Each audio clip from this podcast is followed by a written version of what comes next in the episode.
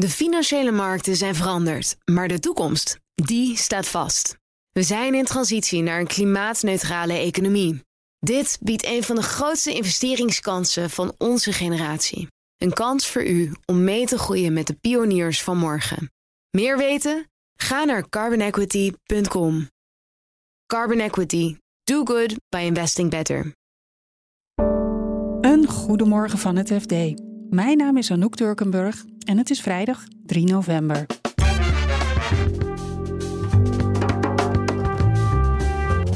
De online campagnes van Politiek Den Haag staan onder druk. Experts die wij gesproken hebben, die, ja, die zeggen dat kan wel enorm veel impact hebben. De slots op Schiphol zijn herverdeeld, tot groot ongenoegen van sommigen. Het slot van het liedje is wel dat zij de komende zomer weer moeten inleveren. Dus dat is een, dat is een hard gelach voor, uh, voor de Amerikanen. En ook deze verkiezingen zijn de kandidaat-Kamerleden vooral hoog opgeleid en randstedelijk. Partijen hebben hun mond vol van we moeten beter luisteren naar de regio. Maar als je kijkt, valt eigenlijk op dat nog altijd het overgrote deel van de Kamerleden uit de Randstad komt. Dit is de dagkoers van het FD. Je ziet toch dat die tech-giganten eigenlijk steeds meer onder vuur komen te liggen over wat er qua privacy en gebruik van data op die platforms gebeurt. Dus we dachten, nou, het is wel eens interessant om te zien hoe die politieke partijen juist in campagnetijd ermee omgaan. Je hoort redacteur Yilda Bijboer. In aanloop naar de verkiezingen op 22 november dook zij, samen met collega Ardi Vleugels, in de campagnes van politieke partijen. Die halen ook dit jaar weer alles uit de kast om stemmen te winnen. Al adverteren ze online een stuk minder dan voorheen. Ze geven veel minder geld uit dan de vorige keer echt bijna twee derde minder. Er zijn uh, onderzoekers van de Universiteit van Amsterdam, die houden dat bij. En die hebben voor ons ook gekeken naar van deze periode vorige keer en deze periode nu. Want je kan je voorstellen, het is niet echt eerlijk om het van vorige keer en nu te vergelijken, want we hebben nog een paar weken. Maar als je echt dus die periodes gaat vergelijken, dan is het bijna twee derde minder. En je ziet ook dat partijen meer kiezen in, op welke platform ze aanwezig willen zijn. Dus er zijn een uh, aantal partijen die TikTok in de ban hebben gedaan. Die zeggen daarop willen wij niet langer zitten. We vinden dat de privacy daar niet goed beschermd wordt. En we zijn bang voor misschien wel spionagemogelijkheden. Daar willen wij ons niet mee associëren. Welke partijen zeggen dat? Onder andere de VVD. Die hebben er ook wel opgezeten. Die zijn er dus echt bewust afgegaan. Maar bijvoorbeeld ook D66, die hebben ook nooit op TikTok gezeten. Die hebben uh, altijd alleen maar eigenlijk op de Amerikaanse platforms gezeten. Privacy bij die sociale mediabedrijven is dus een oorzaak. Zijn er ook nog andere oorzaken waarom die politieke partijen minder geld uitgeven aan uh, dit soort campagnes? Ja, de experts die wij gesproken hebben wisten het eigenlijk niet. Dus ze ja, geven verschillende redenen. Misschien omdat deze verkiezingen toch redelijk onverwacht kwamen, zijn de kassen gewoon wat minder gevuld. Is er gewoon simpelweg wat minder geld om uit te geven.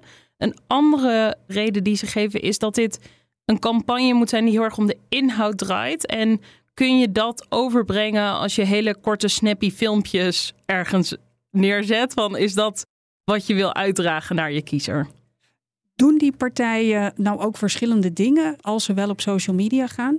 Ja, dat verschilt ook heel erg. Bijvoorbeeld de PVV, eh, Geert Wilders, is behoorlijk groot. Die heeft echt een groot aantal volgers, maar die adverteren amper op sociale media. Terwijl andere partijen echt veel, veel geld uitgeven aan advertenties. Dus je ziet daarin ook best wel verschillen. En ook bijvoorbeeld PvdA GroenLinks, dat is natuurlijk nu een combi-lijst.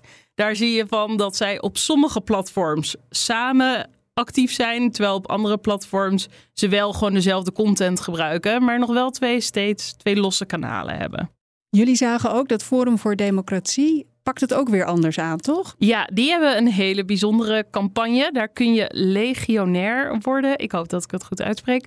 En dan kun je dus voor hun filmpjes gaan posten met een link waarop mensen geld kunnen doneren. Een soort van affiliate link.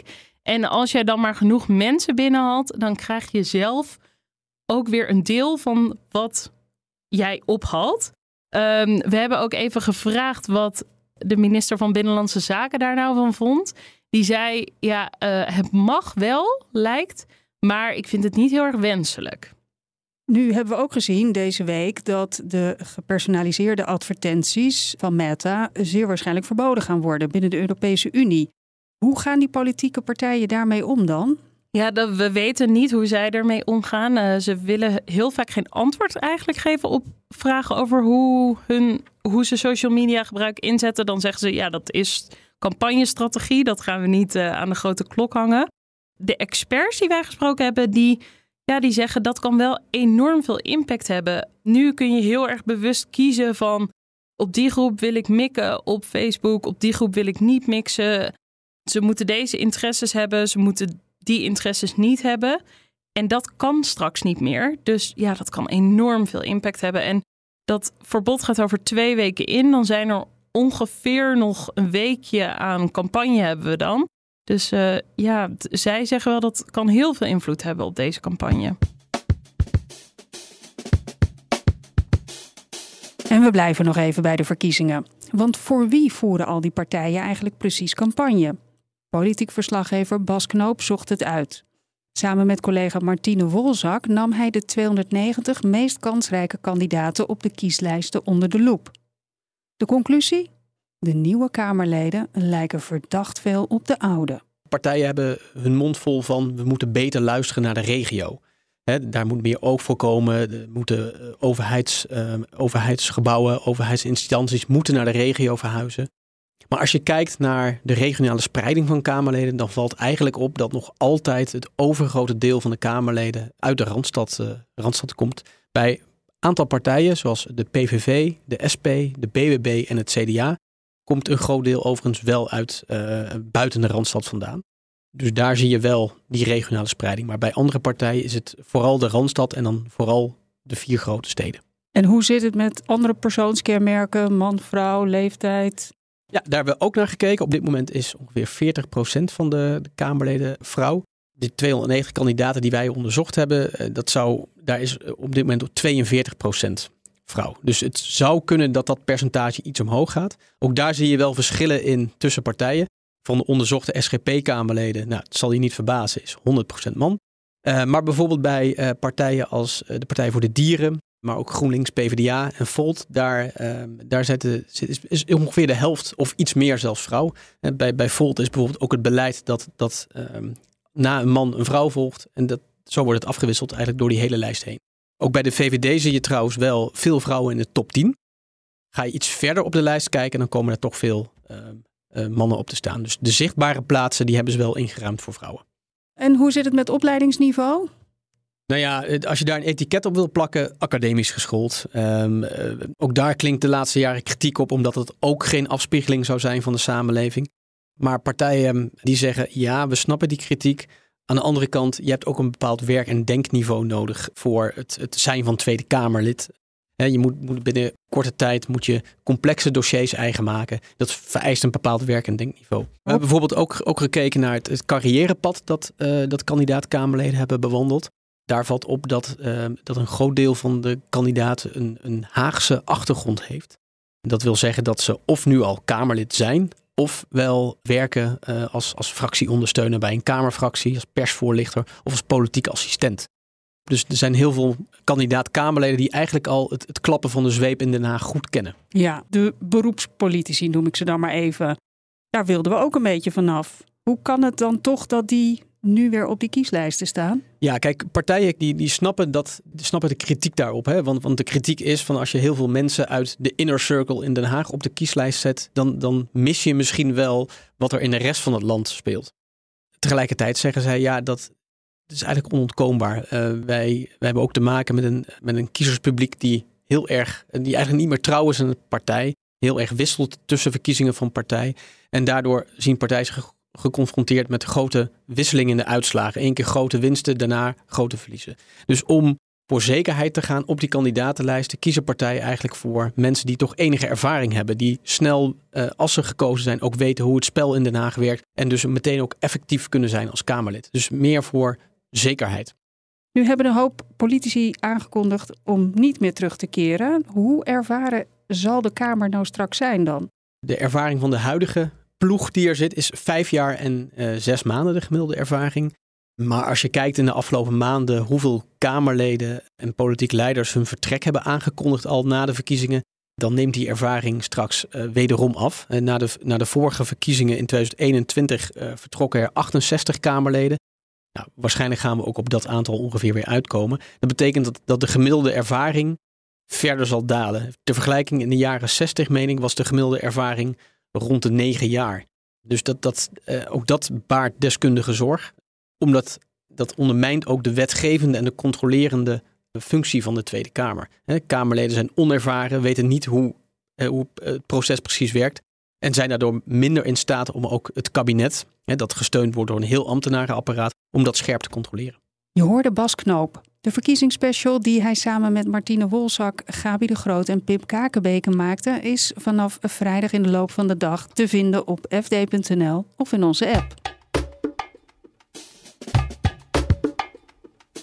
En dan Schiphol. Daar is de verdeling van de zogenoemde slots na heel wat gesteggel eindelijk bekend geworden. Luchtvaartredacteur Jan Verbeek vertelt je zo wie de winnaars en verliezers zijn. Maar eerst legt hij nog even uit hoe het ook alweer zat met die slotverdeling. Het eh, kabinet heeft vorig jaar eh, zomer besloten dat Schiphol moet krimpen. De maximumcapaciteit van Schiphol moet terug van 500.000 vliegbewegingen per jaar naar 460.000. En dat moet uh, komende zomer, de zomer van 2024, in gang worden gezet. Nu is de eerste stap gezet in die, in die herverdeling van die slot. Wie worden het hardst geraakt? Ja, zoals het er nu naar uitziet, wordt, uh, wordt de KLM-groep, de grootgebruiker zeg maar, van, van Schiphol, die wordt het, het hardst geraakt. Dan moet je ook wel weten dat KLM met al zijn luchtvaartmaatschappijen een marktaandeel heeft van pakweg 63 procent. Dus dat, dat KLM het meeste moet inleveren aan slot, aan start- en landingsrechten, dat is dan ook niet meer dan logisch. En hoe zit dat in percentages dan? Alle maatschappijen die nu op Schiphol vliegen, althans de meeste, die gaan uh, ehm, 3% moeten die inleveren op het aantal vluchten wat ze graag zouden willen uit gaan voeren komende zomer. 3%. Je kan zeggen, het is niet veel, maar in het geval van Schiphol praat je toch wel over uh, eh, 5700 slots die zij in komende zomer niet kunnen uitvoeren. Dus toch een behoorlijk aantal. Is er ook wel iets bekend over welke routes dan worden geschrapt of, of minder worden bevlogen? Dat, dat, weten we nog niet. Over een paar maanden krijgen we daar meer details over. Dus, dus dat blijft een beetje gissen. Maar goed, je kunt je voorstellen dat, uh, dat dat voor Europa of voor de transatlantische verbinding wel gevolgen zal hebben. Nu wilden ook een aantal nieuwe partijen op Schiphol gaan vliegen. Hoe zit het met hun rechten daartoe? Er is aardig wat interesse van, van nieuwkomers om op Schiphol te komen vliegen. Volgens de slotcoördinator, dat is de onafhankelijke instantie die die slots verdeelt, die zegt dat er 25 aanvragen kwamen om komende zomer op Schiphol te gaan vliegen. Best veel volgens mij. En die, um, die probleem daarbij is dat ze nieuwkomer zijn en geen historische rechten hebben. Dus dat maakt hun positie ten opzichte van de bestaande maatschappijen wankel of zwak. Ja. Nu was een van die nieuwkomers was het Amerikaanse JetBlue. Die roerde zich de afgelopen week al, hè? Ja, JetBlue is wel een, een bijzonder verhaal. Dat is een Amerikaanse luchtvaartmaatschappij die de Europese-Amerikaanse markt probeert open te, te breken. Ze zijn uh, afgelopen zomer begonnen met vluchten aan te bieden vanaf Schiphol naar New York en van Schiphol naar Boston. En hebben de ambitie om dat verder uit te breiden. Alleen, Schiphol moet krimpen en zij zijn een relatieve nieuwkomer. En het slot van het liedje is wel dat zij de komende zomer die vluchten die ze hadden weer moeten inleveren. Dus dat is een, dat is een hard gelach voor, uh, voor de Amerikanen. Is het hiermee nu gedaan? Is de krimp nu, uh, nu voorbij? Nee, dit is, dit is strikt genomen is dit deel 1 van de uh, plannen die het kabinet heeft, het demissionaire kabinet, om uh, Schiphol te krimpen. Er komt nog een tweede stap, die volgt dan eind 2024, begin 2025. Dat betekent dat Schiphol nog eens een keer een wat 10.000 vluchten zal moeten inleveren. Maar dat is mede afhankelijk van de goedkeuring die nog uit Brussel moet komen. Dus eh, daar is het even wachten op uh, of, die, of die goedkeuring inderdaad ook komt. Dit was de dagkoers van het FD. Wil je nog meer horen over de verkiezingen? Luister dan zeker morgen naar een nieuwe aflevering van onze verkiezingspodcast. Een kwestie van kiezen. Maandag staat er weer een nieuwe aflevering van Dagkoers voor je klaar. En in de tussentijd volg je al het laatste financieel-economische nieuws in onze app. Nog een hele fijne dag en graag tot maandag.